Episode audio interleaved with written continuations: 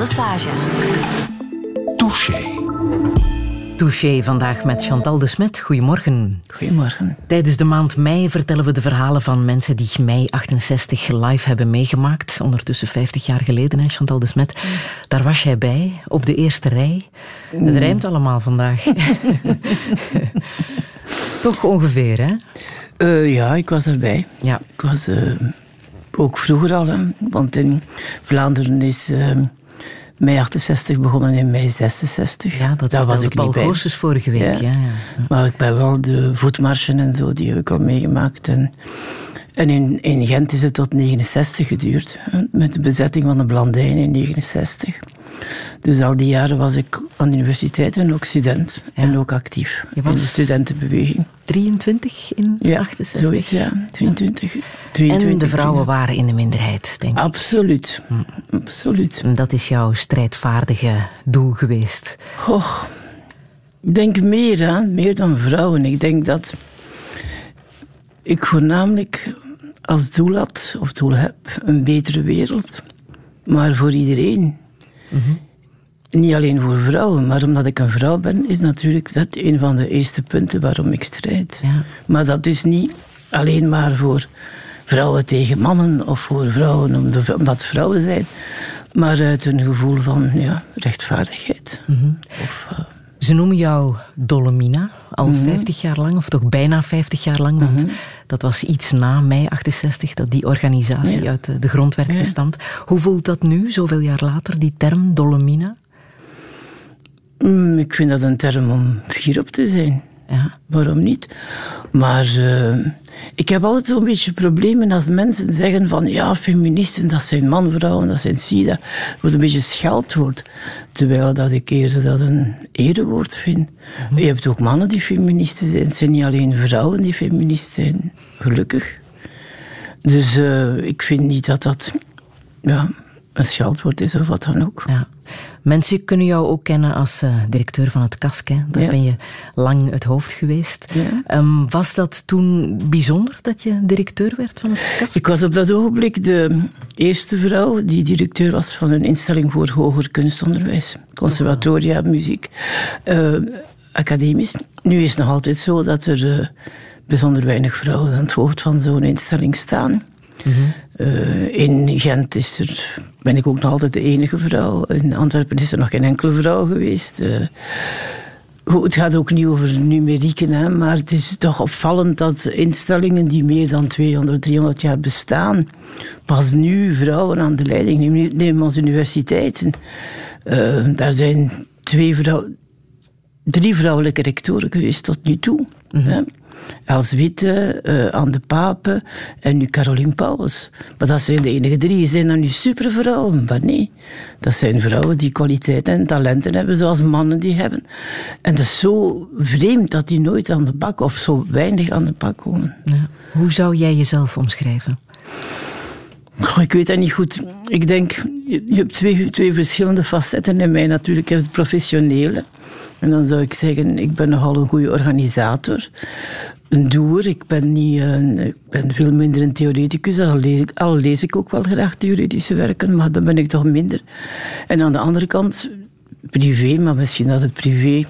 Persoonlijk is politiek, zei men ook in de vrouwenbeweging. Ben ik ook een militant.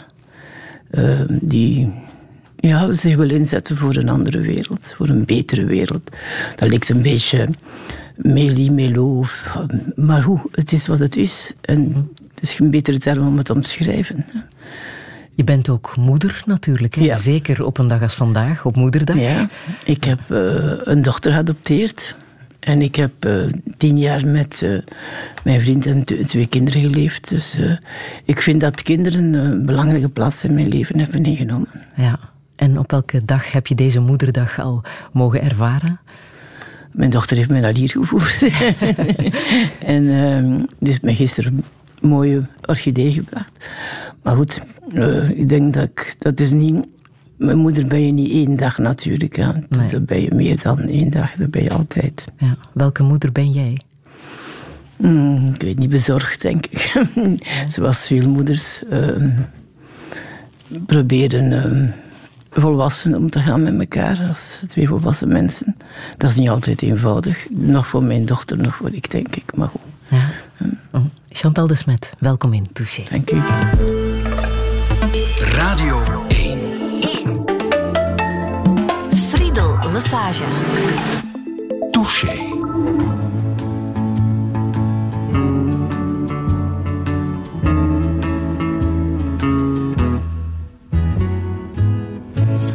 Sometimes it's hard to be a woman. Giving all your love to just one man. You'll have bad times, and he'll have good times doing things that you don't understand. But if you love him, you'll forgive him. Even though he's hard to understand.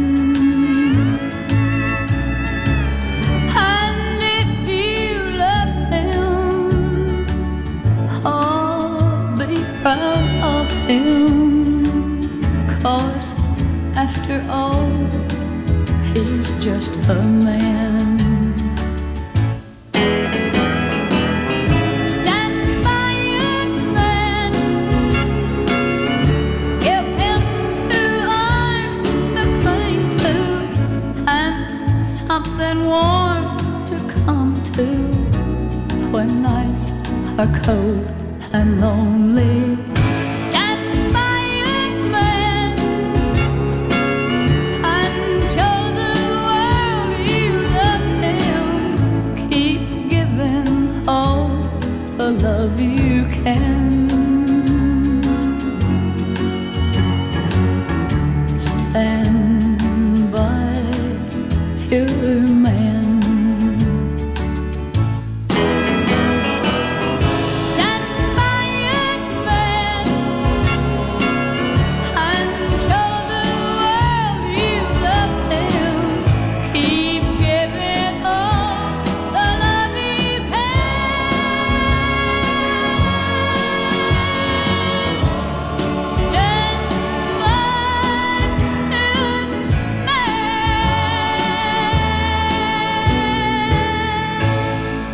Stand By Your Man van Tammy Wynette. Het is een van de nummers op die vierdelige cd met muziek van mei 68.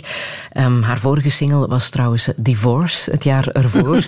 maar deze Stand By Your Man kan je ook dubbel interpreteren, hè, Chantal de Smet? Ehm, ja, misschien wel. Wat bedoelde zij, denk je? Ik denk dat ze bedoelen dat je man moet altijd steunen. En dat is nu juist een van de problemen, denk ik, geweest voor vrouwen in, eh, in progressieve partijen, zal ik maar zeggen, waarbij dat, ook in niet-progressieve partijen, waarbij men vond, de mannen vonden, dat de vrouwen militant genoeg waren als zij, de vrouwen, hen in staat maakten om actief te zijn. Dus je kunt het interpreteren als een liefdesverklaring. Het is normaal dat je als, je als je van iemand houdt die ook steunt, of dat nu een man of een vrouw is. Ja, je partner, of een, je partner gewoon, wie dat ook is.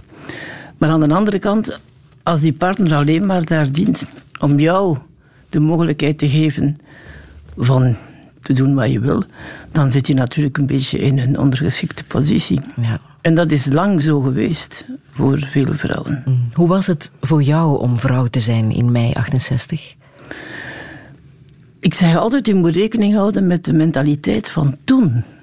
Bedoel, wij kunnen ons dat amper nog voorstellen. Ook ik kan me dat bijna niet meer voorstellen. Maar eh, bijvoorbeeld, vrouwen waren ondergeschikt aan hun man. Hoe dat was ging zo. dat? Kan je dat daar ging wettelijk volledig. Bijvoorbeeld het huwelijksgoederecht. Als je niet trouwde met een contract, dan zelf als je, als je een boete had omdat je te snel reed, dan moest je man daarvoor op, opdraaien. Je kon ook geen lening hebben, want alles passeerde. Men sprak in verband met de schoolgaande jeugd van le droit du père de famille. de vader. De vader besliste. De vader was hoofd van het gezin. Je moest hem volgen als vrouw. Nu, men kan, dat had natuurlijk ook repercussies in het denken in de maatschappij. Men vond ook dat meisjes. Uh, allez, Major heeft ooit eens gezegd: vrouwen moeten niet zoveel complimenten maken. Maar men dacht dat ook. Vrouwen hadden een tweederangsrol. Die waren daar om de man het leven gemakkelijk te maken. Dat is extreem, zou men kunnen zeggen. Uh, je had Christi Christine Rochefort heeft een boek geschreven eind jaren 50, dat verfilmd is begin jaren 60. En dat heette Le repos du guerrier. En dat steunde een beetje op het idee van Nietzsche, die zei: de man moet opgeleid worden als krijger, de vrouw als ontspanning voor de krijger. Dus je wordt in zo'n wereld opgevoed en dan kom je aan de universiteit. Ik had het voordeel dat mijn ouders mij tienduizend keer op het hart gedrukt hebben dat ik voor mezelf moest in kunnen instaan, dat ik onafhankelijk moest zijn. Dus je begint ook onafhankelijk te denken, uiteraard. En dan word je daar nog eens geconfronteerd met een aantal zaken. Dan denk je, maar waarom moet ik nu, ben ik nu minder dan een man met dezelfde capaciteiten of kwaliteiten? Misschien hier en daar een minder, maar of hier en daar hier meer. Dus, en dan begin je voor een stuk te revolteren. En Blijkbaar is dat dan, maar dat is dan de sfeer van de tijd. Is dat niet een uniek geval in Nederland of Vlaanderen of Frankrijk of Amerika geweest? Is dat dus wereldwijd gebeurd? En daarom spreekt men ook van een tweede feministische golf. Ja. En hoe is het bij jou uh, um, ja, echt uh, tot, tot strijdlust uh, gekomen? Wie heeft jou daartoe aangezet, denk je? Oh het kletsen met vriendinnen, het, ja. Eh, klagen over onze lieven, onze mannen, onze, wat weet ik ook allemaal, zoals al eeuwenlang mensen met elkaar spreken natuurlijk. En van de een komt het ander. En Roos, Roos Proesmans, die heeft dan... Nee, ik moet eerst historisch een beetje zeggen. Natuurlijk, in Nederland heeft men begin uh, januari... Hebben, hebben, vrouwen, en ook mannen, daar waren mannen bij, ja, uh, een bezetting gedaan van een kasteel waar men alleen businesslessen kreeg en was alleen voor mannen. Vrouwen konden daar niet aan deelnemen. Dus ze hebben daar een actie gevoerd. En nadien hebben zij aan het standbeeld van Wilhelmine Drucker, die men Stoute Mina noemde, eh, corsetten neergelegd, referentie naar de eerste emancipatiegolf, en haar de naam Dolomina gegeven. En nadien zijn er nog allemaal andere acties geweest.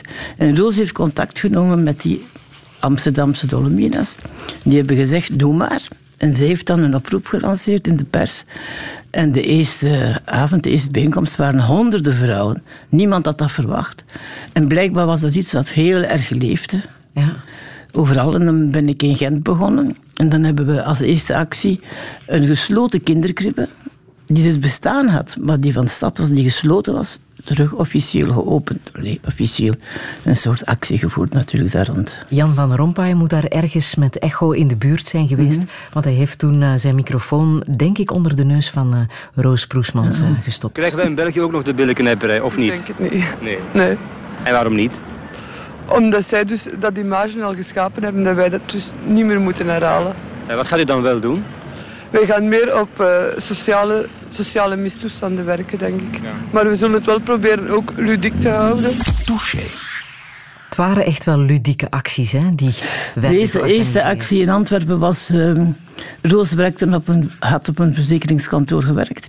En daar waren hadden de mannen het recht om te roken en de vrouwen hadden niet het recht om te roken. Dus de eerste actie was recht op longkanker. Een beetje cynisch natuurlijk. Maar ook dat, Hans, die actie situeerde zich in een andere beweging die ook binnen de kunst een belangrijke beweging is geweest, al wel aan de marge. Dat is het situationisme, waarbij men elke keer aandacht wil vestigen door acties, happenings te doen. En in feite kan men dat mee vergelijken. Hebben de Dolomina's gedacht van, als je een serieuze actie voert, dan komt niemand aan naartoe. De pers is niet geïnteresseerd. Ook toen al niet. Uh, nu zouden ze zeker niet geïnteresseerd zijn, maar toen zeker niet. Ook niet.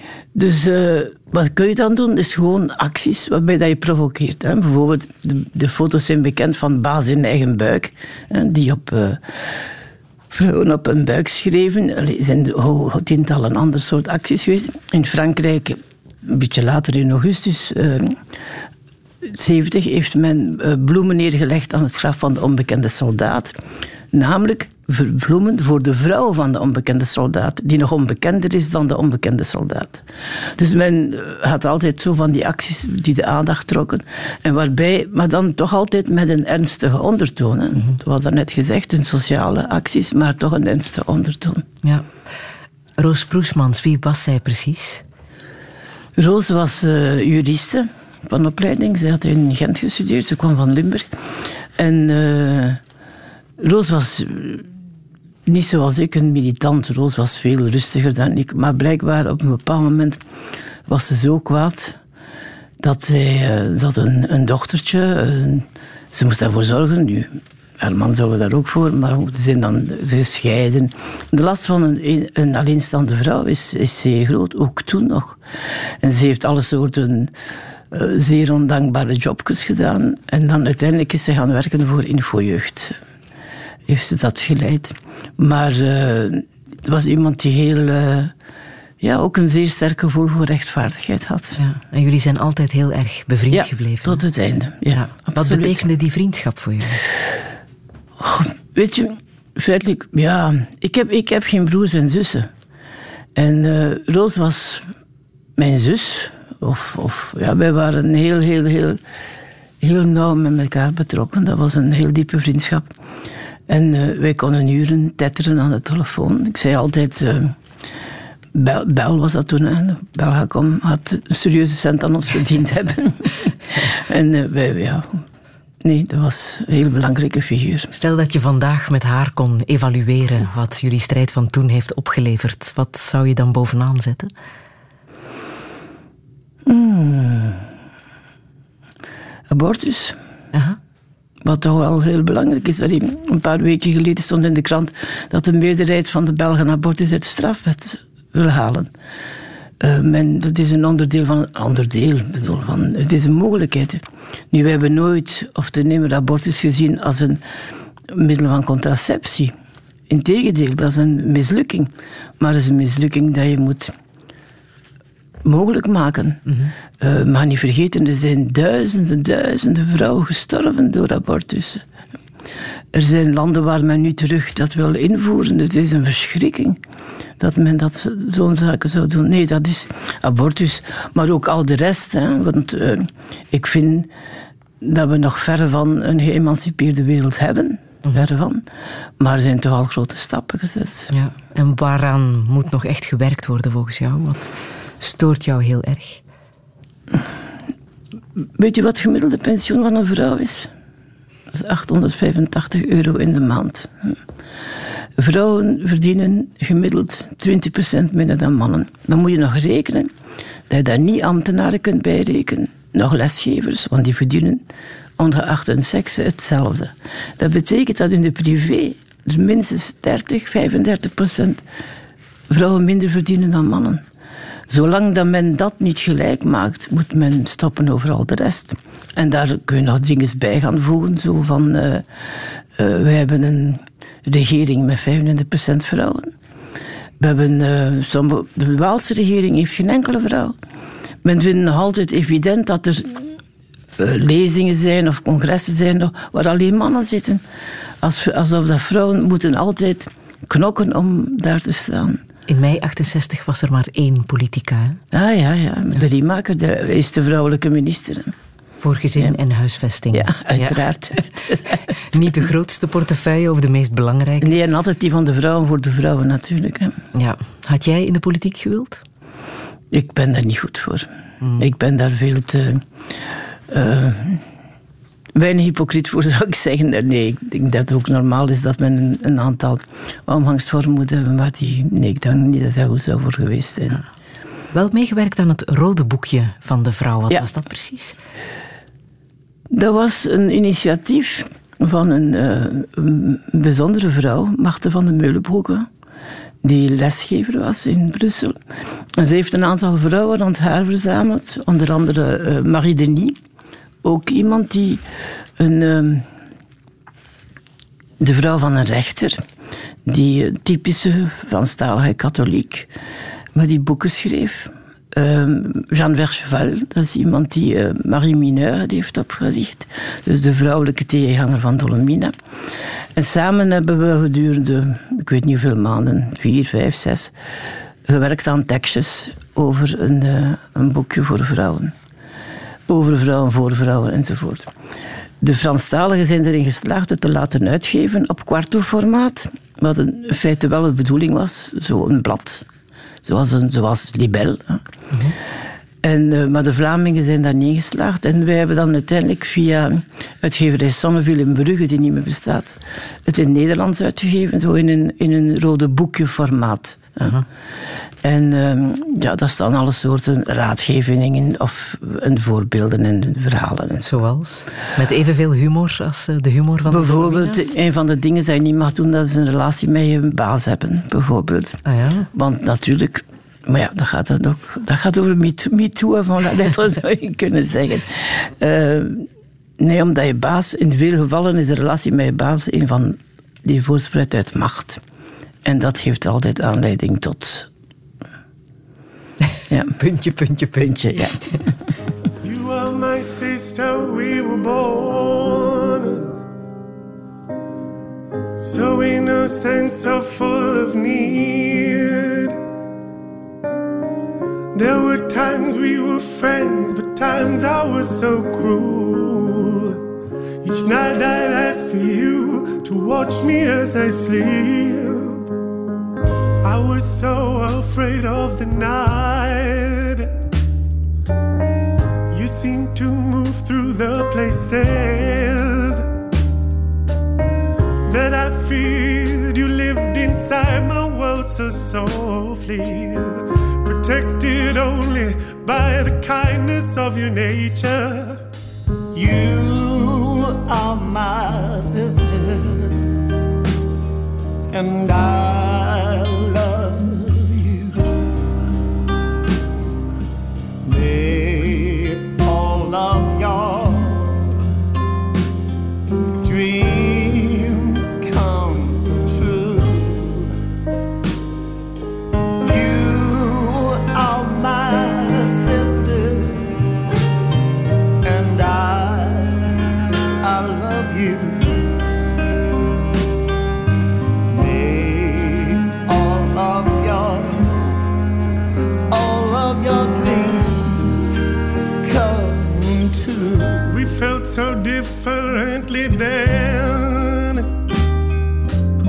so similar over the years.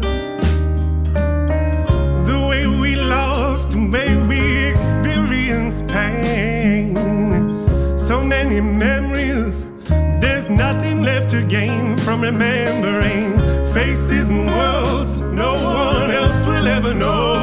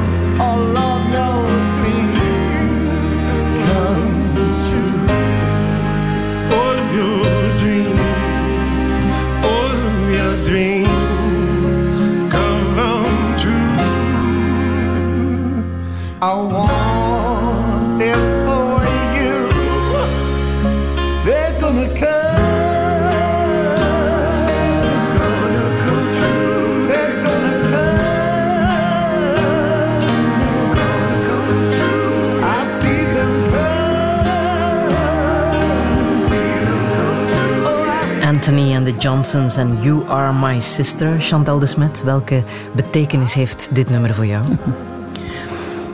Weet je, ik heb de eerste keer gehoord, het nummer gehoord in de radio, op de radio, toen ik aan het rijden was. En ik heb me langs de kant van de weg gezet. Want ik was do- zo door aangegrepen.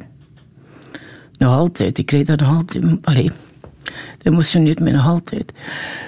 Ik ben niet zo'n ehm, muziekkenner en zo, maar ik vind dat de breekbaarheid van die stem, de, de tekst, maar iets minder, maar voornamelijk de breekbaarheid en het zustergevoel. Ik dacht onmiddellijk aan Roos toen ik dat voelde. Is het ook die persoon van Anthony die nu eh Anoni. Anoni heet? Eh, ja, misschien minder, maar ik vind de muziek die hij maakt, niet alles, maar heel veel, heel erg eh, aangrijpend. ja. Maar je hebt echt een, een zus gemist. ja, absoluut. Ja. Hoe was het om als enig kind op te groeien? Uiteindelijk, eh, ik heb daar niet zoveel last van gehad, maar ja, enig kind is enig kind. Hè. Eh, het is altijd beter, denk ik, ook voor de karaktervorming van met meer op te groeien, omdat je leert delen, omdat je leert eh, participeren. De- mijn ouders hebben de toevalligheden van het leven gemaakt dat er geen eh, broers en zussen binnen, meer bij kwamen. Maar eh, ik heb mij nooit ongelukkig gevoeld. Hè. Maar goed, ik denk dat het anders zou geweest zijn met eh, broers en zussen. Wat voor mensen waren je ouders? Mijn ouders waren heel eenvoudige mensen, maar die ook heel belezen waren en idealisten waren. Militanten, ik heb dat dus wel van hen, denk ik. Ehm, ze hebben elkaar leren kennen in de weerstand. Mijn ehm, vader was actief in de sluikpers en in het gewapend verzet. En mijn moeder was actief in de sluikpers en mijn vader kreeg een nieuwe koerier. Dat was mijn moeder. En dat was eh, blijkbaar liefde op het eerste zicht, of op het tweede of het derde zicht. Ik weet het niet, maar hoe, in elk geval. En dus ze zijn elkaar blijven zien. En zes maanden later zijn ze getrouwd. Wat vertelden ze over die oorlogsjaren en wat ze toen hebben gedaan? Niet zoveel. Niet zoveel. Dus ik, ik ben historica ook, hè, maar eh, nee, ik denk dat dat ook iets is dat je moeilijk kunt overdragen. Je kunt feiten overdragen. Maar wat je beleeft, denk ik dat het moeilijk om over te dragen is. Ehm, normaal gezien gaat eind dit jaar een boekje verschijnen. Het dagboek van mijn vader, die hij in de Tweede Wereldoorlog heeft bijgehouden. Hij is die Tweede Wereldoorlog ingegaan als een jongeman van twintig. hè. Ik bedoel, eh, je moet het maar meemaken. En eh, hij vertelt in dat, in dat dagboek natuurlijk niks over zijn weerstandservaringen, want dat was te gevaarlijk om papieren te houden. Maar hoe hij vertelt, je hebt het, een idee van wat het dagelijks leven in een stad zoals Aalst was, die bezet was. Hè, want zij woonden in Aalst.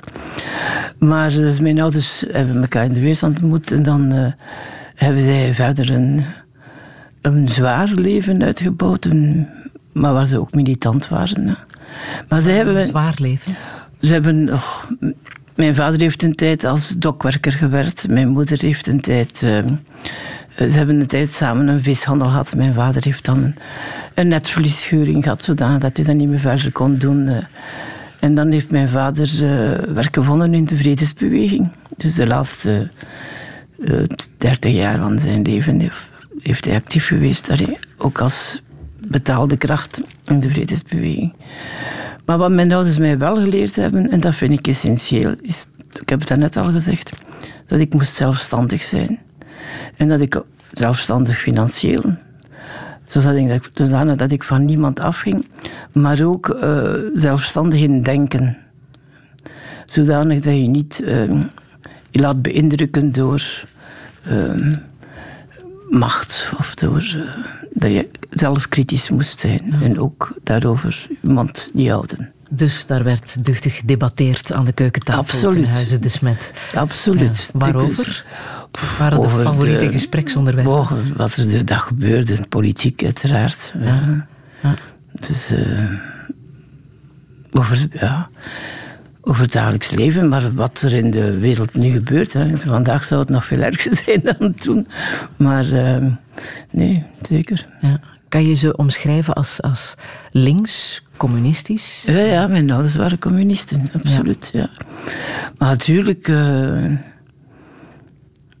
weet u, een van de gezegdes die ik dikwijls, herhaal, ik heb ooit een film gezien, toevallig op Arte of zo, en ik heb nooit geweten wat de titel van de film is, maar de opdracht van de film was, c'est pas parce que nous avions tort que les autres avaient raison. En ik denk dat dat perfect mijn ouders zou omschrijven. Hè, Want ze hebben natuurlijk ook de bitterheid meegemaakt van de val van de eh, niet-communisme. De val van een systeem dat zich beriep op het communisme, maar dat geen communistisch systeem was. Communisme is iets anders dan dat. Ze hebben dat ook meegemaakt en eh, de ellende, maar ik denk dat zij ook overtuigd waren dat niet de oplossing de andere kant was, het andere extreem. In hoeverre ben jij meegegaan in dat communistisch gedachtegoed? Ik ben eh, uit de KP gestapt in 1982. Omdat ik op een bepaald moment mij daar zelf niet meer kon mee vereenzelvigen. En ook omdat ik niet akkoord was met eh, de lijn die gevoerd werd en zo. En Wat ik gaf de doorslag om die beslissing te nemen, om eruit te stappen? Wow, de situatie op dat moment in, in, in de partij. Van, eh, ik had toen een verantwoordelijke positie, maar hoe kon dat dan niet meer overeenstemmen met mijn geweten? Maar dat is een groot woord natuurlijk. Mens wordt ouder en wijzer. Niet altijd. Of denkt anders? Verandert in zijn denken? Ik denk dat, ik weet het niet. Je zou dat aan al die gasten van mei 68 moeten vragen. Maar ik denk dat de mens evolueert, uiteraard. Hè. Je begint heel heftig en he- heldhaftig en, eh, en brandend en alles. En dan krijg je, moet je werken en, en krijg je kinderen. En, eh, en kalm je misschien een beetje. Maar ik word niet minder strijdvaardig. Integendeel, ik denk dat ik nu weer strijdvaardiger ben dan twintig jaar geleden of tien jaar geleden.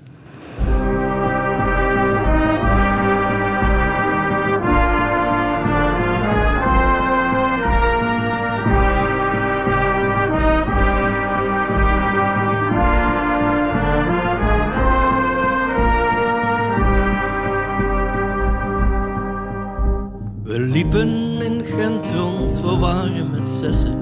We kwamen van nergens, gingen nergens naartoe. Van op de terrassen, in de koffiehuizen, bekeken we de mensen en een drukke gedoe. We liepen met ons hoofd in de wolken en werden dan wakker met honger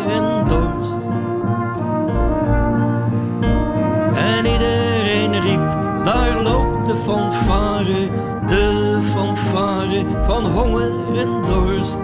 De fanfare van honger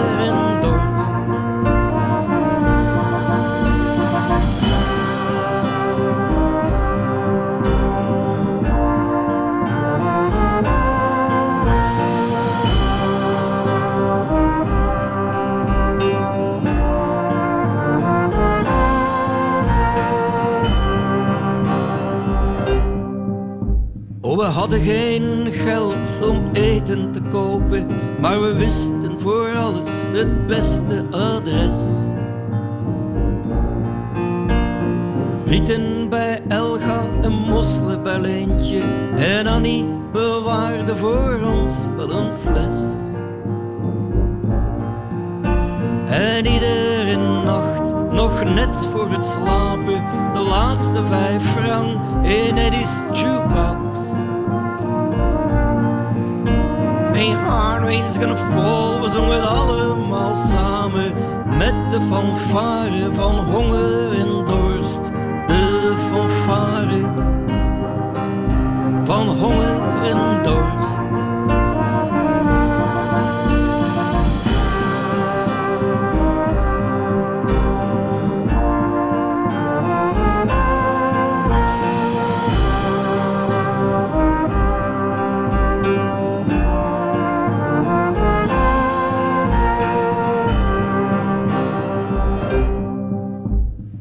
Kwam een vrouw die een van ons meenam, dan namen we afscheid, we zegden vaarwel. De fanfare trok verder met minder leden, de toon in mineur, maar je begreep dat toch wel. Maar er was nooit een vrouw die mooier kon zingen dan onze fanfare van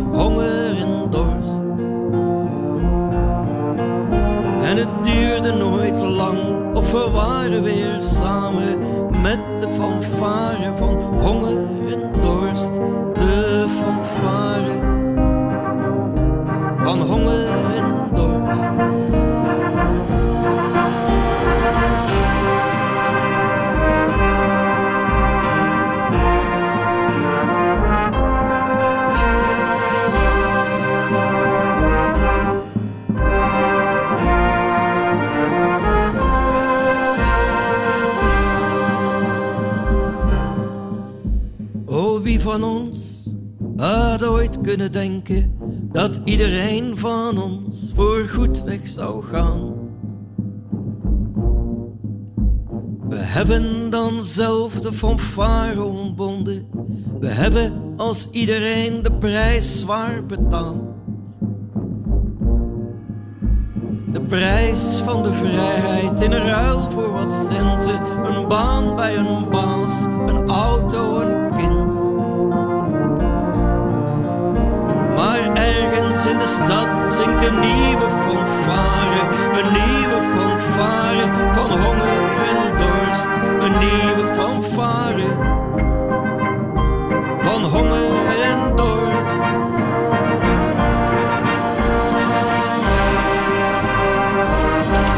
De fanfare van Honger en Dorst. We kennen het in de versie van Jan de Wilde, maar het is geschreven door Lieven Tavernier. En dit is zijn versie, Chantal de Smet.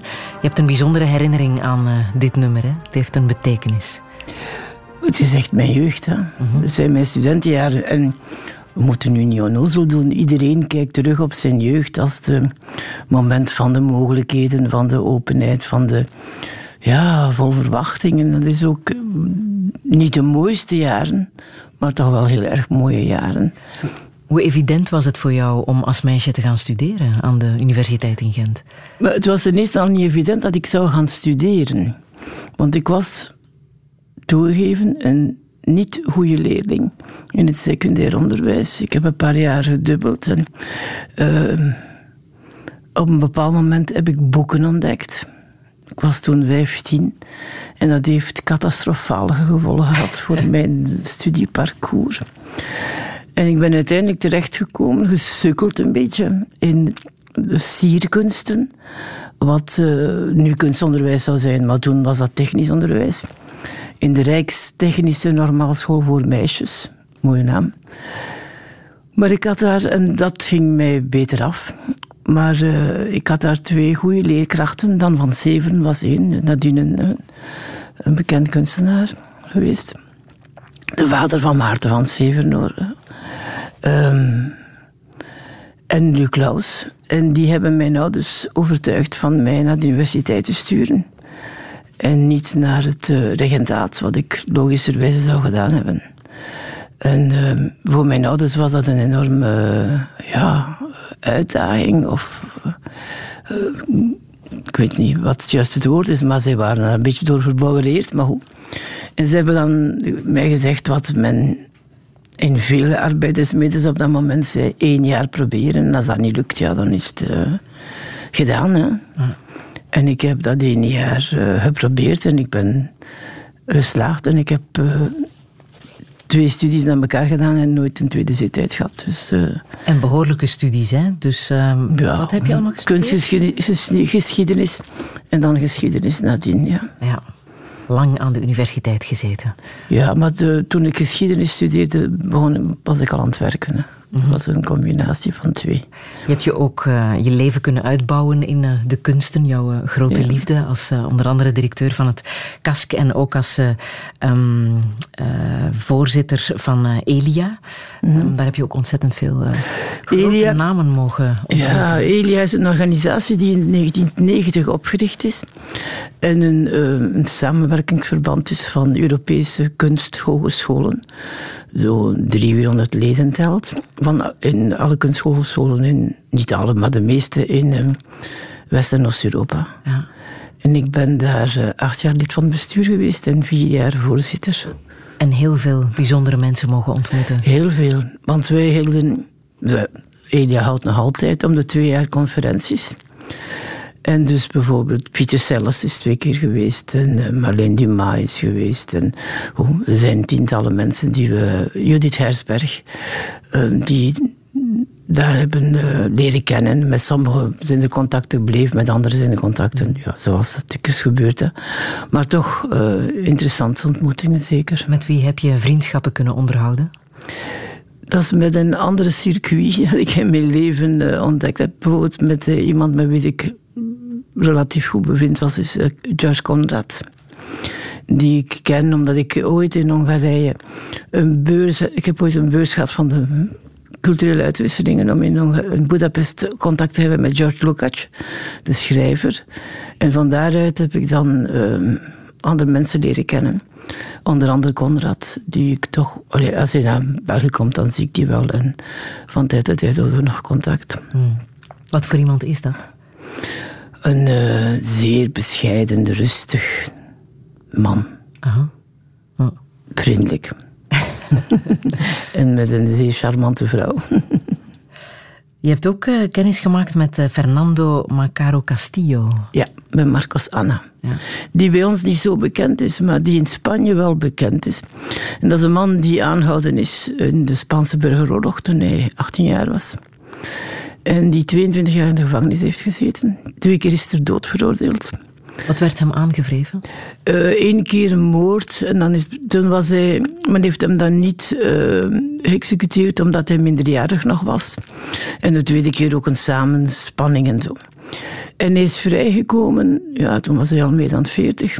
Wat natuurlijk niet evident is voor iemand, voor een, voor een mens. Uh, onder andere onder ehm, niet daardoor, maar toch wat daaraan toe heeft bijgedragen, is een internationale petitie die onze koningin Elisabeth nog getekend heeft. Ondertekend heeft. En zij, heeft, zij hebben elkaar nadien ontmoet. En is dan, is dan vrijgekomen. En is dan uh, gevlucht naar Parijs. Want hij was vrij, maar hij was wel in, uh, hoe heet men dat weer, uh, huisarrest had hij. En in Parijs heeft hij een organisatie opgericht die de CISE heet. En dat was het Comité voor Solidariteit met uh, de Spaanse gevangenen, waarvan Picasso de voorzitter was. En elk jaar richten zij uh, de CISE pour l'Espagne in met uh, zangers, waar dan. Uh, dat was allemaal uh, benefiet, een benefietavond zo. En dan werd bijvoorbeeld, de tickets werden verkocht door Piccoli, door Juliette Greco, door al die mensen, die Moustaki, al die mensen namen daaraan deel. Maar goed, dat is wat Marcos deed. Maar Marcos is ook een dichter. Hij is beginnen dichten in de gevangenis. En hij heeft... Uh, ja, hij is ondertussen nadien naar, terug naar, Frankrijk, naar Spanje gaan wonen natuurlijk. Toen Franco gestorven is. En uh, is tot het, in 93, wanneer hij gestorven is, altijd actief gebleven, ook als dichter. Hij heeft een uh, memoires geschreven. Um, Vertel me een boom, denk ik, of zoiets. En die zijn, de rechten daarvan zijn gekocht door Almodovar.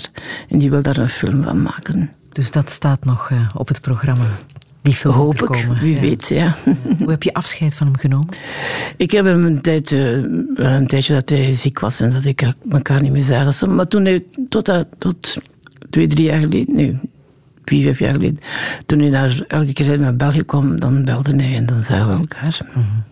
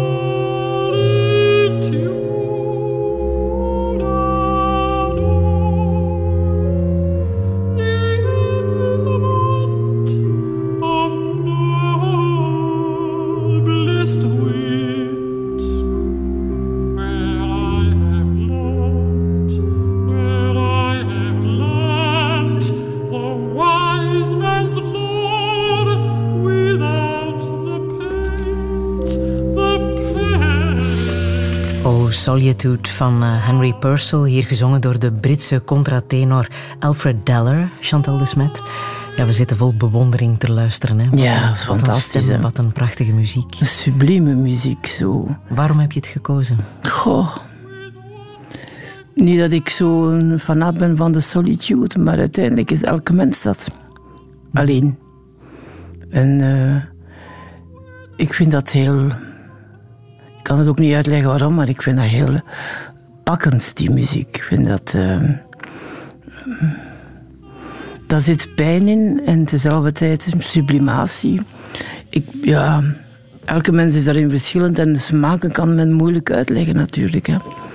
Maar ik vind ook bepaalde kunstenaars, beeldende kunstenaars, kunnen ook zo werk maken dat heel uh, sober is en heel uh, zuinig en tezelfde tijd waar zoveel passie in zit. En, uh, ja. Mm. Je hebt behoorlijk wat kunst gezien hè, in jouw leven. En over de hele wereld, denk ik, veel gereisd om uh, ja. kunst en kunstenaars te zien. Uh, ja. Als je mensen nu zou een kleine shortlist mogen meegeven van wat we in ons leven zouden moeten gezien hebben, wat, wat is dat volgens jou? Ik denk dat ik nog een, twee levens nodig heb om alles te zien wat je zou moeten zien. Dus ik denk dat iedere mens daar zeer verschillend in is. Maar ik ben... Eh, ik hou van Romaanse kunst. Ik hou van... Uh, van bepaalde, niet allemaal, maar sommige iconen. Ik vind... Uh, bepaalde abstracte kunst mooi, bepaalde abstracte kunst vind ik absoluut niet mooi. Mm -hmm. Daar ken ik mij niet in. Als we het hebben over iconen, welke namen noem je dan? Rublev. Ook uh, veel onbekende, maar Rublev in elk geval. Ik heb die uh, in de omgeving van Moskou is zo een klooster bezocht. Uh, maar ik vind Malevich een sublieme kunstenaar. Fernand Léger, maar ik heb over Léger mijn thesis geschreven. Dus, uh, maar niet alles van Ligier, maar ook uh, bepaalde zaken ook. Hebben dat, uh, Is er één werk dat je er kan uitpikken van Fernand Léger? Ik heb thuis een zeefdruk van La Grande Parade. Mm -hmm. Maar niet, ehm, niet wat ik het meest verkies, maar toch in de reeks van de parades. Ja. Eh, vind ik, zijn er een paar heel mooie. En La Lecture? La lectuur vind ik. Wel, dat is zoiets dat heel kil, koud is en tezelfde tijd zit daar zoveel spanning in. Want er worden boeken gelezen Ook, ja. op dat werk. ja. Ook dat, maar goed, ik heb het voornamelijk over de twee dames die daar zijn, of drie. Ja. Caravaggio natuurlijk. Caravaggio, ik was vorig jaar in Napels en ik heb daar in de uh, Capodimonte, het museum, de flagellatie van Christus gezien. Ik kon daar niet van weg. Die zwaarten, die zo, dat vond ik fenomenaal. En in eigen land, wie zou je in eigen land eh, aanraden te gaan bekijken? Jan Verkruijsen, die onlangs gestorven is. Die heeft toch, eh, dat is toch wel een miskend kunstenaar, denk ik. Eh, ik. Niet alles wat hij gemaakt heeft spreekt mij aan. Maar er zijn een aantal briljante, maar briljante zaken die meer dan internationaal niveau hebben. Heeft mei 68 ook veel betekend in de kunstenaarswereld? Is daar ook veel veranderd, verschoven? Ik weet niet of er veel veranderd verschoven is, maar ik weet wel dat de kunstenaars actief deelgenomen. In Gent hebben ze de Gravensteen bezet, in Sint-Pietersabdij. In eh, Parijs binnenkort is er, of eh, misschien opent nu al een tentoonstelling met alle affiches die men gemaakt heeft, hè, de zeefdrukken. Eh, dat heeft toch wel enige impact gehad, ja. Film, ging je dat eh, bekijken in de jaren 60?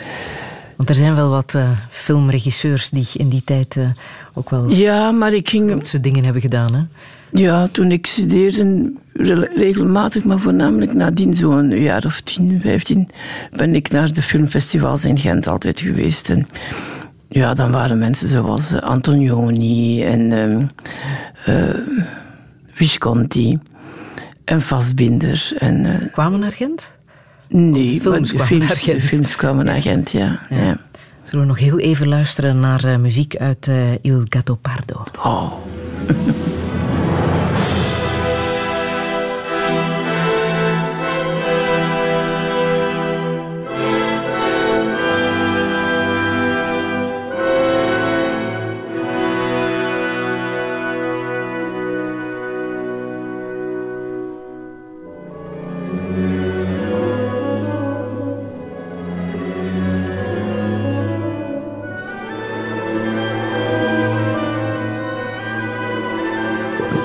het gelijknamige boek zei Chantal de Smet er nog bij Il Gatto Pardo, muziek van eh, Nino Rota. Radio 1. Friedel Lesage. Touché. Touché met Chantal de Smet. Eind jaren 60 zag ze de hoge nood om te strijden voor vrouwenrechten en werd ze Dolomina, want het leven van de vrouw is meer dan afwassen alleen. Studeren aan de universiteit bijvoorbeeld was lang niet alle meisjes gegeven. Gelijk loon was al helemaal niet aan de orde en respect was ook nog heel ver zoek. Nog altijd reizen haar haren ten berde als blijkt dat vrouwen zich minder waardig voelen of geen gelijke kansen krijgen. Als directeur van het KASK en voorzitter van de European League of Institutes of the Arts mocht ze heel wat interessante mensen ontmoeten. Ze zag kunst over de hele wereld en heeft een boekenkast om u tegen te zeggen. Maar hoe moet het verder? Wat hebben we geleerd van de jaren 60 en wordt dit de eeuw waarin de man zijn mannelijkheid herziet? Dit is Touché met Chantal de Smet. Een goede middag. I feel good, I feel good. Though I know I've done no wrong, I feel good. I feel good, I feel good. Though I know I've done no wrong, I feel good. I feel bad, so bad. Though I ain't done nothing wrong, I feel bad. I feel bad, so bad. Though I ain't done nothing wrong, I feel bad. I never lied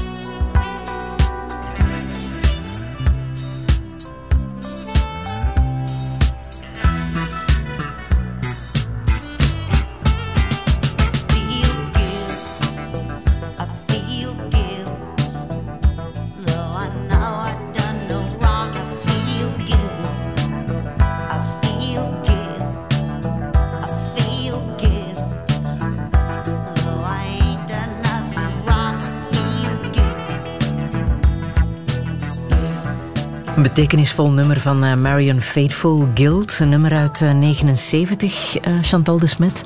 Waarom heb je dit gekozen om te laten horen? In feite een beetje als ode aan vrouwen. Misschien lijkt misschien vreemd. Maar sinds vrouwen meer participeren in het eh, leven, in het eh, zakelijke leven, in het eh, niet privé, maar eh, openbare leven, kampen zij in veel gevallen met schuldgevoelens. Ik geef altijd het voorbeeld, ik heb een jongere vriendin die regelmatig naar het buitenland moest voor haar werk. En ze had altijd ruzie met haar moeder, die voor de kinderen dan moest zorgen. Die zei van, ja, zij gaan nu weer weg en kun niet thuis blijven en kun je niet voor je kinderen zorgen. Terwijl de schoonbroer van die vriendin constant in het buitenland was en de moeder daarover, dus de moeder van de vriendin, zei van, god, die is sukkelaar en die moet altijd weg en die heeft zo'n boeiende job enzovoort. Het is alsof men constant... Vrouwen zitten ook altijd eh, te schipperen tussen kinderen en hoe- je met die kinderen moet omgaan. En kinderen hebben, of als je, als je dat hebt, eh, of je dat wel goed doet. En een, een job. En in feite is dat dus, moeten vrouwen daarvan af. Mannen hebben dat niet. Waarom zouden vrouwen dat hebben? Hm, Heeft Esther Perel gelijk toen ze hier een paar weken geleden zei dat de mannen in de 21ste eeuw hun mannelijkheid moeten herzien, zoals de vrouwen dat hebben gedaan in de 20ste eeuw? herzien wel, ja. Maar waarom zijn ze niet meer mannelijk? Hè? Ik bedoel, van, ze moeten zich daar gewoon bij neerleggen dat vrouwen wezens zijn zoals zij. Anders, maar... eh, hoe? Het is snel uitgelegd. Ja, ik, vind dat, ik heb dat nooit begrepen waarom dat vrouwen plots, omdat ze biologisch anders zijn, ook andere wezens zouden zijn. We komen van ver, we komen van momenten waar vrouwen op de universiteiten niet mochten. Waarom niet? Omdat hun hersens dat niet aankonden. En alle soorten van... Vandaag de dag zitten op de universiteit 54% vrouwelijke studenten, die dikwijls beter doen dan mannelijke studenten. Ik zou zeggen, laat je niet doen, mannen, en doe ook je werk. Doe dat is alles. Maar op MeToo was het wel heel erg lang wachten, hè? tot vorig jaar. Ja, absoluut. Ja. Hoe komt dat, denk je? Weet Dat het zo lang heeft geduurd voor de vrouwen ook op dat hier, vlak en daar, hier en daar gebeurt het wel, maar hier en daar, als het gebeurde, was er geen reactie op. En zei men, maar meisje, toch, je moet maar dat leren aanvaarden. Je zegt je nu eenmaal een meisje, en zo is dat. Dat maakt er deel van uit. En op een bepaald moment, als dat met veel meisjes gebeurt, en die zeggen dan op een bepaald moment, nu zijn we het beu, dan kan het ook veranderen. En dan luistert men plots. Mhm. Heb jij ooit eh, last gehad van eh, machtsmisbruik? Of, eh, Van machtsmisbruik wel, en van, maar echt om klachten in te dienen, nee. Nooit zover. Maar allicht is het wel gebeurd? In de... Ja, maar wat ik wel last van gehad heb, is het feit dat ik een vrouw was. En dat ik minder, ook als directeur van de academie was dat niet evident. Want een vrouw die nam me minder ernstig. Daar heb ik wel last van gehad, ja. En dikwijls ook jobs waar ik gewoon niet voor in aanmerking kwam omdat ik een vrouw was. En hoe eh, reageerde je daar toen op? Je erop reageren? Met militant te zijn, met actief te zijn. Maar je kunt ook niet... Er zijn veel zaken dat je ook niet kunt bewijzen. Hè? Ik bedoel, van, als je weet dat je kandidaat bent voor een job... en het is een man die het krijgt... Ik bedoel, als het een betere man is, zoveel te beter. Eh, men moet niet constant aan eh, discriminatie gaan doen, ook niet ten opzichte van mannen. Maar als men weet dat een man echt niet beter is, hoe kun je dan reageren? Je kunt moeilijk klachten indienen, want men heeft wel argumenten, men dekt zich genoeg in. Hè? De strijd is nog lang niet gestreden. Hè. Gisteren heeft Neta de, Ja. eh, het Eurosongfestival gewonnen voor eh, Israël. Eh, het nummer heet Toy en ze zingt I'm not your toy, you stupid boy. Nog altijd de feministische strijd die ze aanwendt. Ze is 25. Eh, wat vind je ervan dat, dat zo'n jong iemand op het podium van het Songfestival... Ik vind dat fantastisch. Ik vind dat fantastisch. Hoe meer stemmen opgaan, ook MeToo, hoe meer stemmen opgaan, hoe beter. Al is het maar omdat mannen zouden nadenken daarover. Maar ik vind wel dat men moet oppassen met één ding. Men moet ook niet de balans de andere kant laten gaan. Ik bedoel, de States hebben toch wel dikwijls last van eh, overdreven puritanisme enzovoort. hè. Er zijn in de tijd gevallen geweest van ouders die klachten indienen omdat een klein jongetje een kusje had gegeven aan een klein meisje. En zo. Ja, Men moet oppassen dat men de balans niet in de andere richting laat zwaaien, maar dat men reageert en daar tegenop komt. Het zal maar dan mankeren. Ja. En wat vind je ervan, zoals je daarnet in het nieuws kon horen, dat eh, het ook een gevoelig verhaal is? Hè? In Israël wordt deze overwinning al meteen eh, gerecupereerd. Dat vind ik heel jammer. Ik bedoel, ik eh, proficiat voor die dame en als de mensen dat volgen, oké, maar dat is geen argument om goed te praten wat er in, niet in, ja, in en door Israël gebeurt. Ik, heb me, ik maak me daar echt wel heel erg zorgen over. Eh, ik vind het fantastisch dat de staat Israël 70 jaar bestaat. Ik denk niet dat er eh, eenzinnig mens nog kan zeggen dat die staat geen recht op bestaan heeft. Maar tussen dat en goed praten wat er gebeurt, is er een grote, zeer, zeer, zeer, zeer grote brug. Dus ik, eh, onlangs las ik eh, Groosman, die zei... eh, zolang dat Palestina of de Palestijnen geen thuis hebben... Geen, hij sprak niet over huizen, maar over thuis zullen ook de Joden geen thuis hebben. En zolang de Joden geen thuis hebben, zullen ook de Palestijnen geen thuis hebben. Dus ik denk, als men ziet wat er nu in Korea gebeurt, waar men plots in staat is om te spreken met elkaar, dan moeten ze ook, ik weet niet hoeveel toegevingen langs de twee kanten. Wat in de tijd in Noord-Ierland is gebeurd. Dan zie ik geen reden waarom men niet zou kunnen een gesprek aangaan. En er zal water in de wijn moeten gedaan worden, veel water. Maar goed, dat is de prijs die men betaalt voor vrede. Vijftig jaar later. Want in mei 68 werd er ook al gestreden voor vrede natuurlijk. En ook voor de Palestijnen. Ja. Hoe was die eh, strijd toen? Hoe, hoe kwamen jullie toen eh, op de barricade voor eh, die kwestie? Voor de Palestijnen, ja, we steunen de PLO op dat moment. En- maar dat is natuurlijk ook een moeilijke moment hè, van de Palestijnse zaak. Dat is het, in feite is die periode, de jaren 60, de jaren ook geweest waarvoor het eerste Palestijnse strijd naar buiten is gekomen. Op een beetje moeilijke manier natuurlijk, namelijk de kaping van vliegtuigen. Hè. Ook nadien dan in de jaren 70 de, de aanslag in, eh, op de Olympische Spelen. Dus dat zijn eh, pijnlijke momenten. Eh, maar het is jammer dat mensen zich zo desperaat voelen dat ze tot zo'n uiterste gaan. Ben je er ooit geweest? Nee. Ik, ben er, ik zou wel graag gaan, ja. Maar eh, ik denk dat je nu moet... Ja, nee, ik zou daar niet graag naartoe gaan als, als, als ontspanningsreis. Je moet dan aan zo'n studiereis doen, dan wel, ja. Ja. En als je kunt helpen, in een of andere manier. Wat zou je dan willen doen?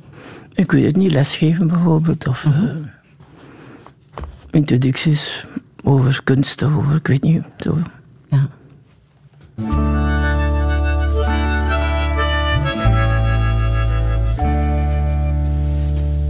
Quand nous chanterons le temps des cerises et Guy Rossignol et Merle Moqueur seront tous en fête.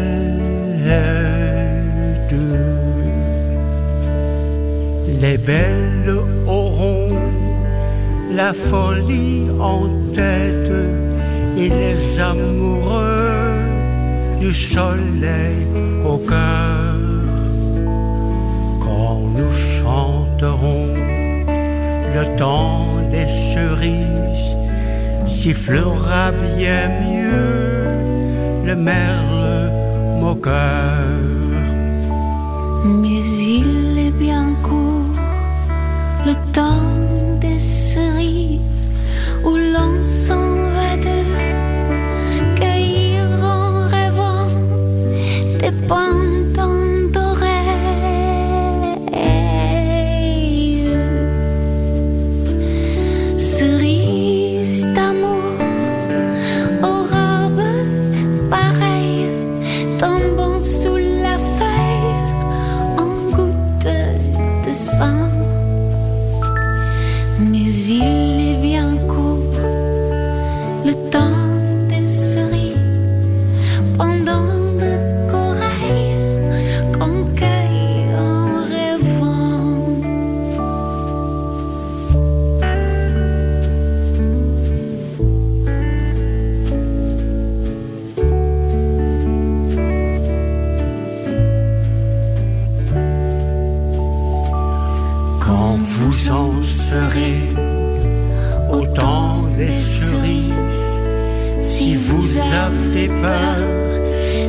chagrins d'amour, évitez les belles.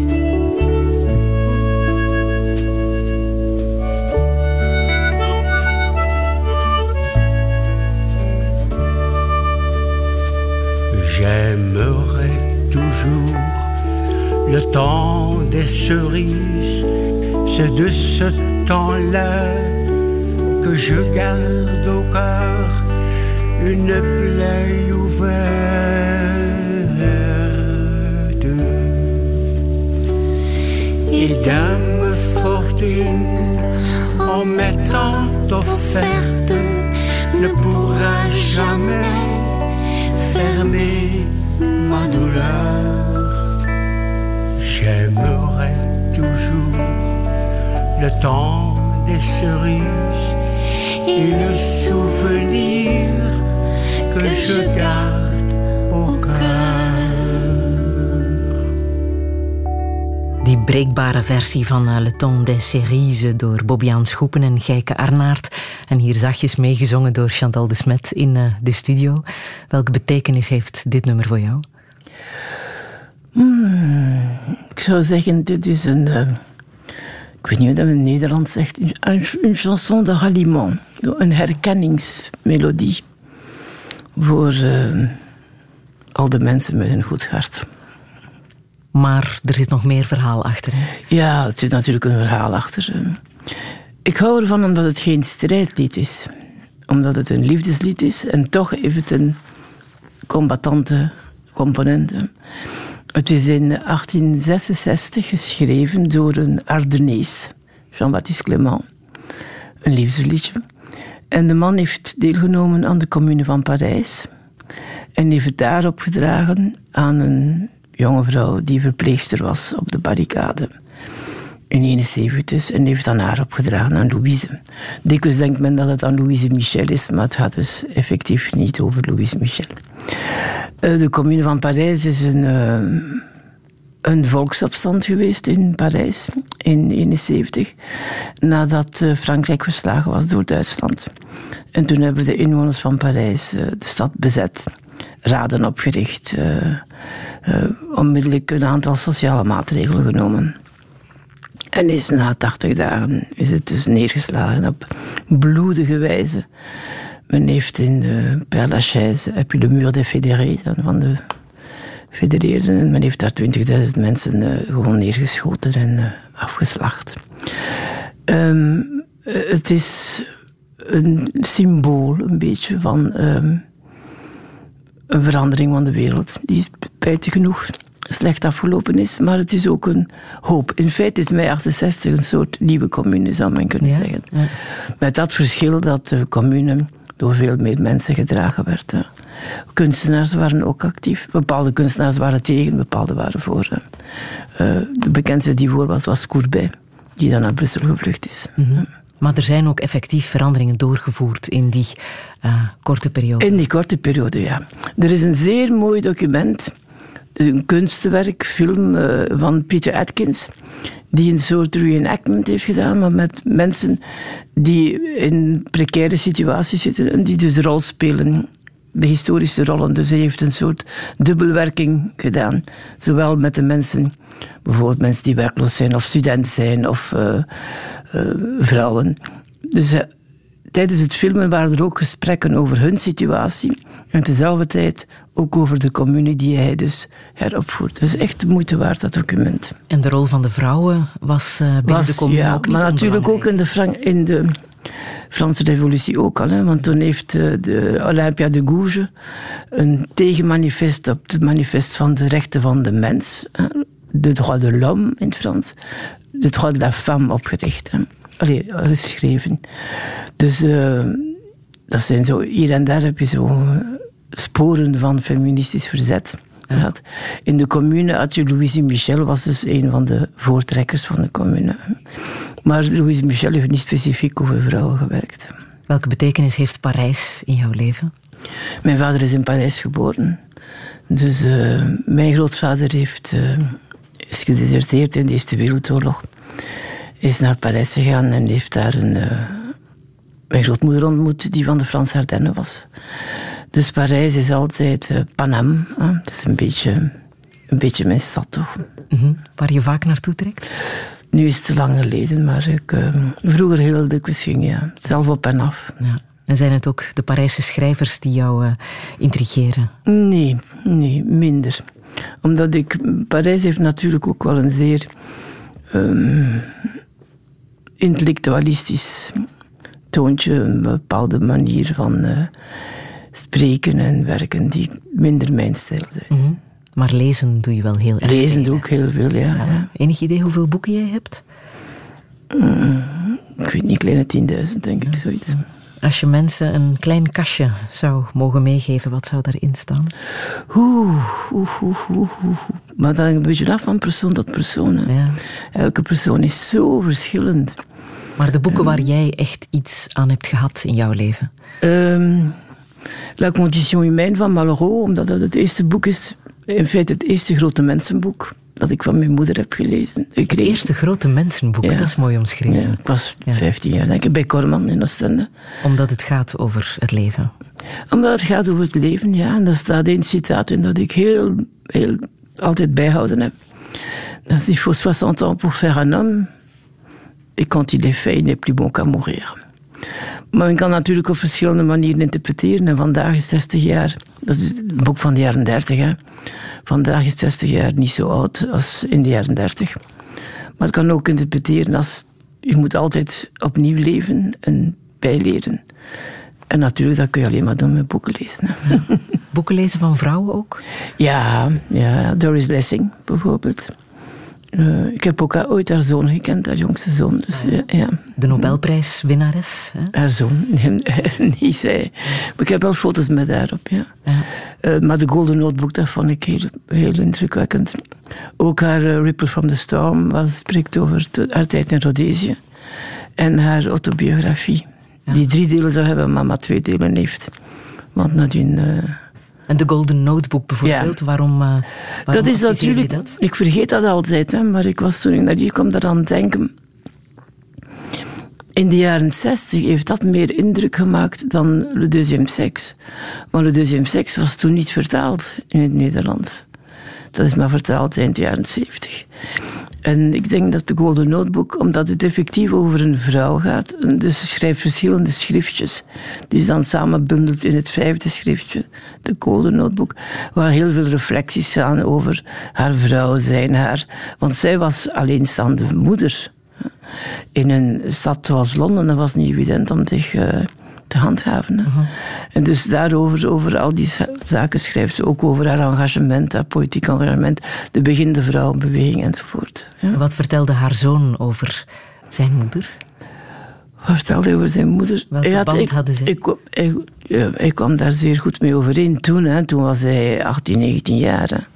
En ik weet dat hij ehm, bij haar leefde tot haar dood. Te zeggen tot zijn dood, want hij is voor haar gestorven. En, eh, maar ik heb die, die contacten niet meer gehouden. Hè. Ik heb die in de jaren twintig hadden wij geen contact meer. Allee, toen ik in de twintig was, hadden wij geen contact meer. Maar ik heb toch een paar jaar eh, regelmatig gezien. Mm. Ehm, het zingen van de tijd heb je ook gelezen, hè? Ja. van de Amerikaanse schrijver Richard. Powers. Ja. Waarom is dat een boek dat we moeten koesteren? Het zingen van de tijd gaat feitelijk over de tweede helft van de 20e eeuw. Dus de confrontatie die wij allemaal hebben. Dus eh, de jaren 60 komen daar eh, heel uitvoerig in pas. Want de jaren 60 zijn natuurlijk ook de jaren van de oorlog in Vietnam. Maar ook de jaren van de zwarte consciousness rising. Dus eh, al die elementen komen zitten daarin vervat. De contra, con- tegenpolen in de familie. Met, het gaat over drie kinderen die allemaal van een, zwarte moeder en een blanke vader, een witte vader komen. Een Jood, de vader, van Roemenië, als ik me niet vergis. Die actief is in de eh, kernfysica. Of wiskunde, maar hoe kernfysica gelinkt is met eh, Einstein en al die mensen. En die drie kinderen ervaren hun gekleurd zijn op een andere manier. En staan ook op een andere manier in de maatschappij. En dat is onvoorstelbaar boeiend. Zo'n stuk speelt, zich ook af in Gent trouwens. Ja, ja, dat is juist. Ehm, nog eentje dan, het Mussolini-kanaal Dat is een van de latere jaren. van Antonio Penacchi. Penacchi. Ja. Dat gaat over ehm, de drooglegging van de Pontijnse moerassen, dus ten zuiden van Rome. En hoe eh, families van het noorden daarnaar getransporteerd worden om die, om die grond vruchtbaar te maken en daar te werken als boeren. En hoe die families, dus de hele, verwevenheid met het fascisme. Hoe de, fascisten hebben daar eh, steden opgericht en zo. En hoe de, die families, dus hoe het dagelijkse leven met het politieke vermengd wordt. Wat ben je nu aan het lezen? Ik heb net gedaan met de biografie van uh, Lucebert, Lucebert, van Wim Hazeur. En zeer goed, hè? Ja, ja maar ik zou meer van uh, iemand zoals uh, Anniette van der Zijl als biografieschrijfster. Mm -hmm. Zo kunnen we nog een eindje doorgaan ja, als het over absoluut. boeken gaat.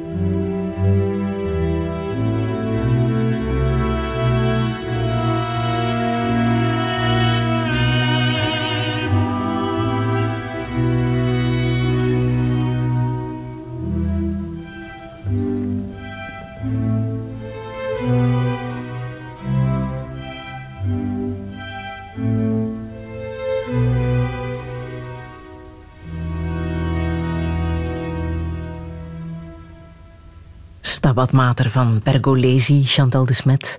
Met een eh, bijzondere bedoeling dat je dit laat horen? Nee, nee. Ik vind het gewoon heel erg mooi. En ik vind, ik ben eh, absoluut niet gelovig. Maar ik vind dat dat eh, essentie raakt. Dat is geen... Ik heb ook nog gedacht, kan Oom meer brengen of, of Mercedes Sosa. Of, ik vind, dit is muziek die los van de religie diep, diep, diep menselijk is. Mm. Wat is de essentie volgens jou? Van wat muziek? Van de zin van het leven? Oh. Dat moet iedereen voor zichzelf uitmaken. Hè? Maar ik denk... Uh, weet u, een mensenleven, dat is zo kort. Dat is zo... Dat is een, een fractie van een milliseconde. Je moet zelf zin aan je leven geven. En maken dat wie naar u komt het beter heeft. Mm-hmm. Dans la grande chaîne de la vie, il y a toujours quelques perdants. En dat is maar goed. Er komt een tijd waar het... Uh, ik geloof in, in dat de mensen de wereld goed kunnen maken, ja, Ah. als ze willen. Zal het goede altijd overleven, denk je? Ik hoop het. ik hoop het. Ik weet het niet. Ik ben, ook geen waarzegger. Ik ben, maar ik hoop het. Als je ziet uiteindelijk van waar de mens komt, duizenden en duizenden en duizenden jaar geleden, dan heeft de mens toch. We hebben natuurlijk nog alles niet bemeesterd enzovoort. En het moeilijkste is de mens zelf. Maar dan is het toch wel een grote evolutie geweest. Ik vind ook dat men. Uh, uh, dit zijn geen tijden om pessimist te zijn. Men moet vooruit gaan. Je hebt altijd veel levenswijsheid uit de literatuur gehaald, hè? Absoluut, ja. Zijn er zo'n paar die je uit het hoofd kent? Uh, Waar je naar leeft? Oh. Bijvoorbeeld dan uh, Machado, dat is een Spaans dichter, die zegt... Reiziger, er is geen pad. Het pad ontstaat al lopend. De weg ligt niet open voor jou. Ik bedoel, jij maakt het pad.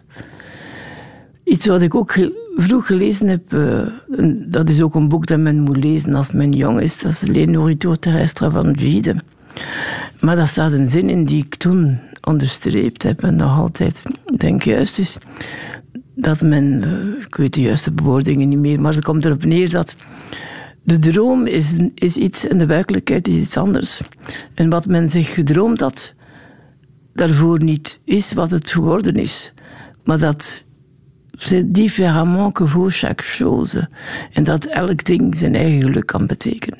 Dus als men niet wil verbitteren, moet men elke stap die men zet, klopt misschien niet met hoe men die gedroomd had, maar toch is die waardevol. Mm. In hoeverre is het leven wat jij nu leidt jouw droom van toen geweest, jouw meisjesdroom? Absoluut niet. Nee? Waar droom oh, voor een van? stuk wel, voor een stuk wel. Ik wou, ik wou rechten doen en ik wou journalist zijn. Ja? Ja. En, uh, en waarom journalist? Omdat ik dat boeiend vond. Aha. En ik, uiteindelijk heb ik, ik heb kunstgeschiedenis gedaan en toen nadien geschiedenis.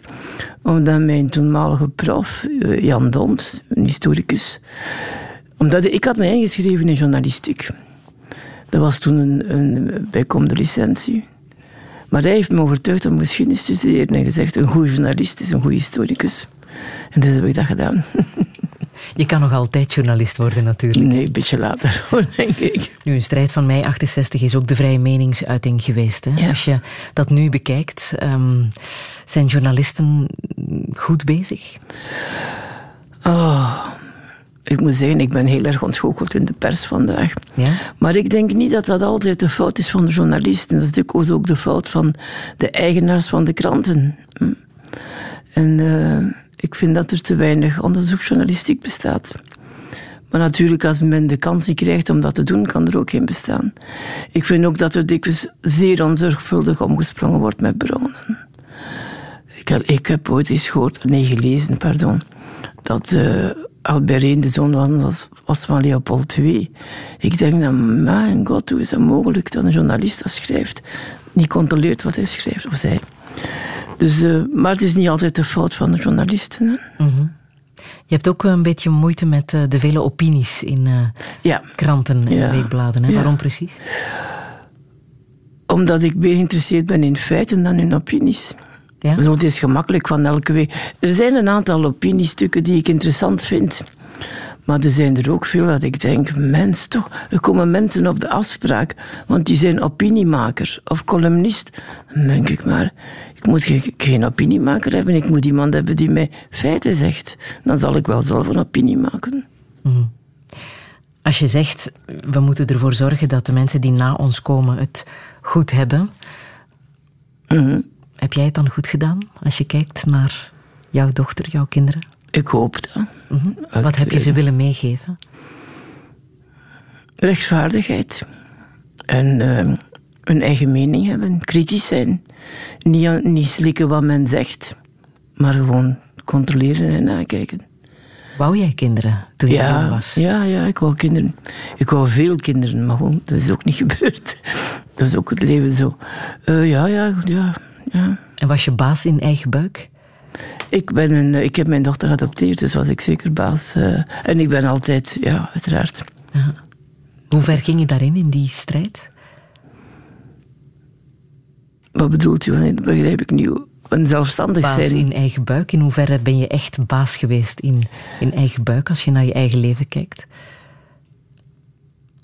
Ja, dat ben ik geweest. Ik ben baas op mijn eigen lichaam geweest. Maar eigen buik, ik bedoel, mijn baas in eigen buik was wel van, we willen geen ongewenste kinderen. Dat was het wel.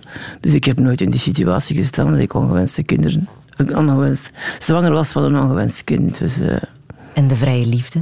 In hoeverre ging je daarin mee? mm, ja, ik heb wel wat relaties gehad, dat klopt. Was dat ook een vrijheid die eh, bijzonder was om... eh, Nee, ik denk dat dat te maken had met. Was ook de tijd, dat is een feit, maar dat had ook te maken met. eh, ehm, met willen erkend worden als, als zelfstandige wezen, als vrouw. En dat lukte niet altijd in relaties. En natuurlijk zijn relaties mislukt. Is spijtig, het is spijtig dat die mislukt zijn, maar goed. Dat is, ik ben daardoor, daardoor vandaag niet ongelukkiger. Ik vind het mooi als mensen een relatie kunnen hebben voor het leven, maar dat eh, is ook geen verplichting. Hè? het huwelijk, welke betekenis heeft dat voor jou? Niet veel. Nee? Nee. Ik denk de band tussen twee mensen is belangrijk. Of ze nu getrouwd zijn of niet. Denk ik. ik denk dat het moeilijker is eh, om te scheiden of als de zaken niet meegaan. Want vroeger, nu, ik moet zeggen, in de tijd van mijn ouders scheiden men niet. Of heel erg uitzonderlijk. Er is een tijd geweest waar men heel snel scheidde. En ik kom van die tijd. Dus je moet een beetje de weg tussen de twee hebben. Een relatie is niet evident. Dat is altijd nemen, maar ook wil geven natuurlijk. Maar langs de twee kanten. Hoe heb jij het eh, verhaal gevolgd van het huwelijk in Mechelen dat niet doorging omdat de bruid, een moslima, geen hand wou geven aan de schepen die het huwelijk zou vervol, vervolledigen? Sorry. Ik heb je al gezegd, ik ben eh, een, atheïst. Ehm, maar dat choqueert mij. Want uiteindelijk, ehm, als, u, als men geen hand wil geven, tot daar dan toe.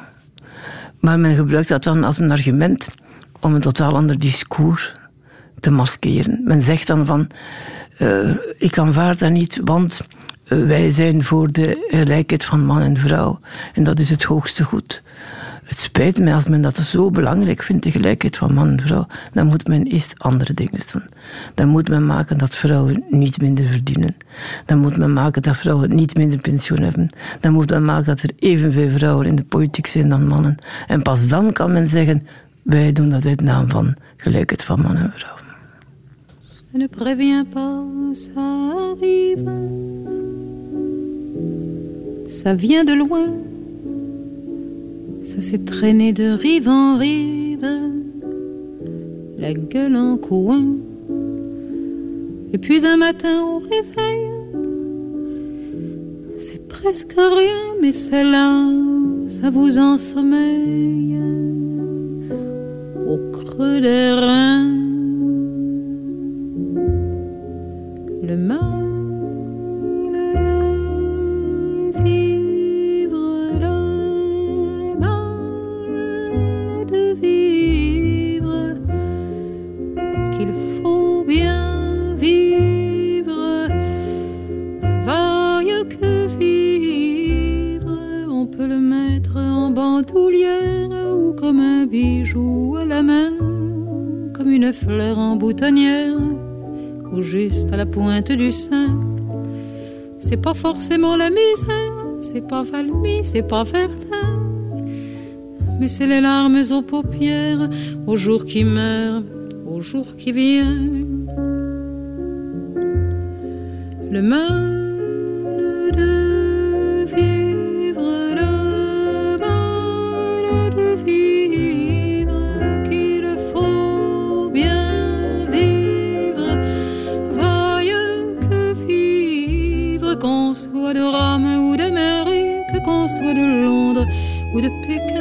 Soit d'Égypte ou bien d'Afrique ou de la porte Saint-Martin. On fait tous la même prière, on fait tous le même chemin, qu'il est long quand on doit le faire avec son mal au creux des reins.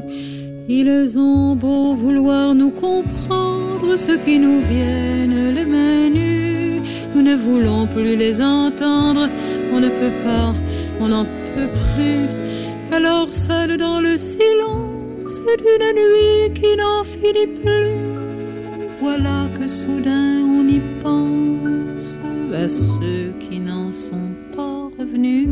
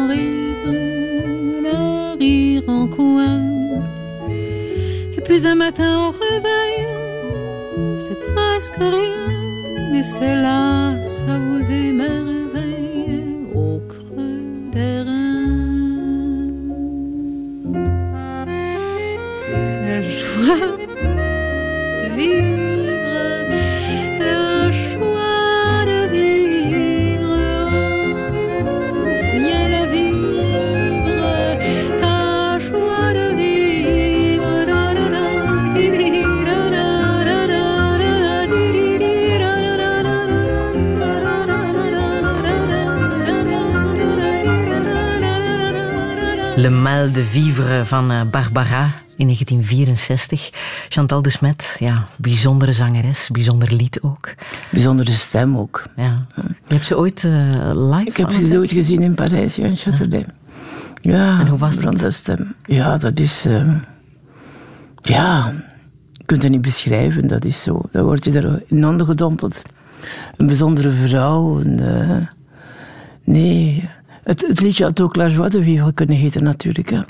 Want, Wat is, eh, dat, wat is dat, die Mal de Vivre, volgens jou? Eh, Ik herken daar wel iets van mezelf in. Dat is, eh, ja...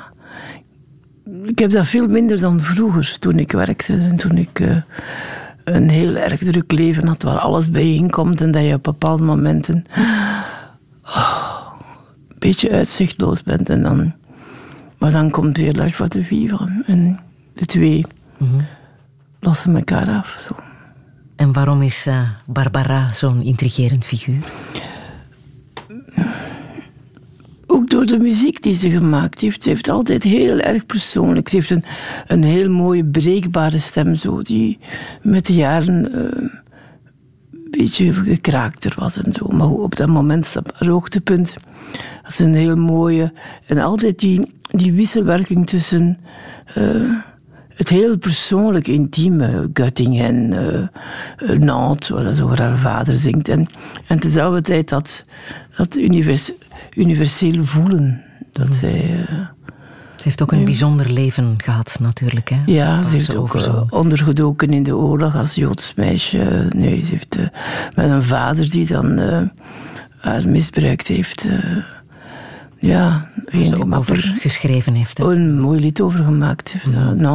Ja. Heel mooi, ja. Jij bent ondertussen de 70 voorbij, hè? Ja, absoluut, ja. Wat zou je echt nog willen in het leven? Wauw. Wat zou ik nog willen? Niet te veel miserie, zou ik zeggen. Eh, interessante projecten. Interessante tentoonstellingen. Hier en daar een concert, maar niet te veel, want ik ben daar nu zo niet. Maar het moet me echt. eh, Anoni nog eens zien, wie weet. Eh, mooie boeken. Maar mooie reizen. Maar er komt ook een leeftijd, en ik ben dat echt niet bitter hoor, dat je moet realiseren dat je dus niet alles meer kunt doen wat je zou willen doen. Mhm. En daar ook niet bitter over zijn. Dat is zo wat nog kan, dan wordt het beter. Wat niet meer kan, ja, dan is dat zo. Wil het lijf nog mee? Een beetje moeilijker dan vroeger, ja. Ja? ja Wat zijn de echte pijnpunten? en Ik heb zo het gevoel dat ik eh, overal kraak. Dat mijn geraamte zegt van het is nu genoeg geweest. En eh, ja, ik slaap niet zo goed. Soms wel, soms niet. Dat is, eh, En ik ben trager. Dus, Is het ook moeilijk om te zien dat mensen rondom jou één voor één wegvallen? dat is heel moeilijk, ja. Ja, dat is heel moeilijk. Dat is het... eh, Ja, er zijn ook mensen dat ik denk, wat, wat gaat er met mij gebeuren, moest die wegvallen, ja. Vrienden, hè. Eh, mensen die... eh, maten en matinnen, zoals ik die noem. Ja, nee, dat is... Maar ja, wat kun je daaraan doen? Mij 68ers zijn ook vaak verstokte rokers, Chantal de Smet. Ik ben verstokte roker geweest tot bijna vier jaar geleden. Het is gelukt. Het is gelukt tot nu toe, maar ik weet niet ik... Heb gedacht, als ik tachtig ben, mag ik weer ook. Meen je dat? Ja, tegen dan zal ik dat misschien niet meer willen. Maar eh, dat is niet mijn streefdoel. Ben jij bang voor de dood? Nee, nee. Ik ben wel bang van, van... Zoals het nu gaat met mijn lichaam, gaat het maar zo aftakelen en echt dingen die mee kunnen, dan hoeft het voor mij echt niet meer. Nee. Dan maak ik er een eind aan. Absoluut. Maar, zo? pardon? Dat zeg je zo? Ja, ik bedoel, ik ben voor een menswaardig bestaan en een menswaardige dood. Maar ook voor een menswaardig bestaan. Eén keer dat je mensen niet meer herkent of dat je, dan heeft toch, dat je niets meer kunt, dan heeft het ook geen zin meer. Welke boodschap wil je hier nog meegeven? Mm. Weet je, er is een, een, man waar, ik veel respect voor heb gehad. Dat is. ehm ehm, nu ik zijn naam niet. ehm Stefan Nessel. eh, die toen hij het 90 was een manifest heeft geschreven. En die niveau, uh, verman je, eh, wees waakzaam. En daar staat één ding in dat ik heel mooi vind. En dat is. Créer, c'est résister. Résister, c'est créer. Ik denk dat dat een mooi boodschap is. Ja, vrij vertaald, hoe zouden we dat kunnen omzetten? Scheppen is zich verzetten en zich verzetten is scheppen. Zullen we nog eindigen met een eh, icoon van de jaren 60, Diana Ross? Absoluut.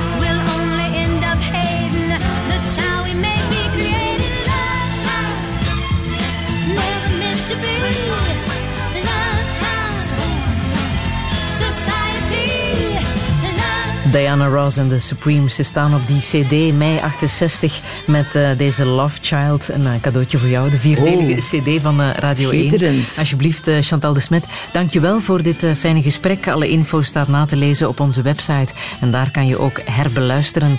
En volgende week verwacht ik hier Chris Merks voor een nieuwe mei 68 aflevering. Herbeluister Touché via de podcast, de Radio 1-app en radio1.be.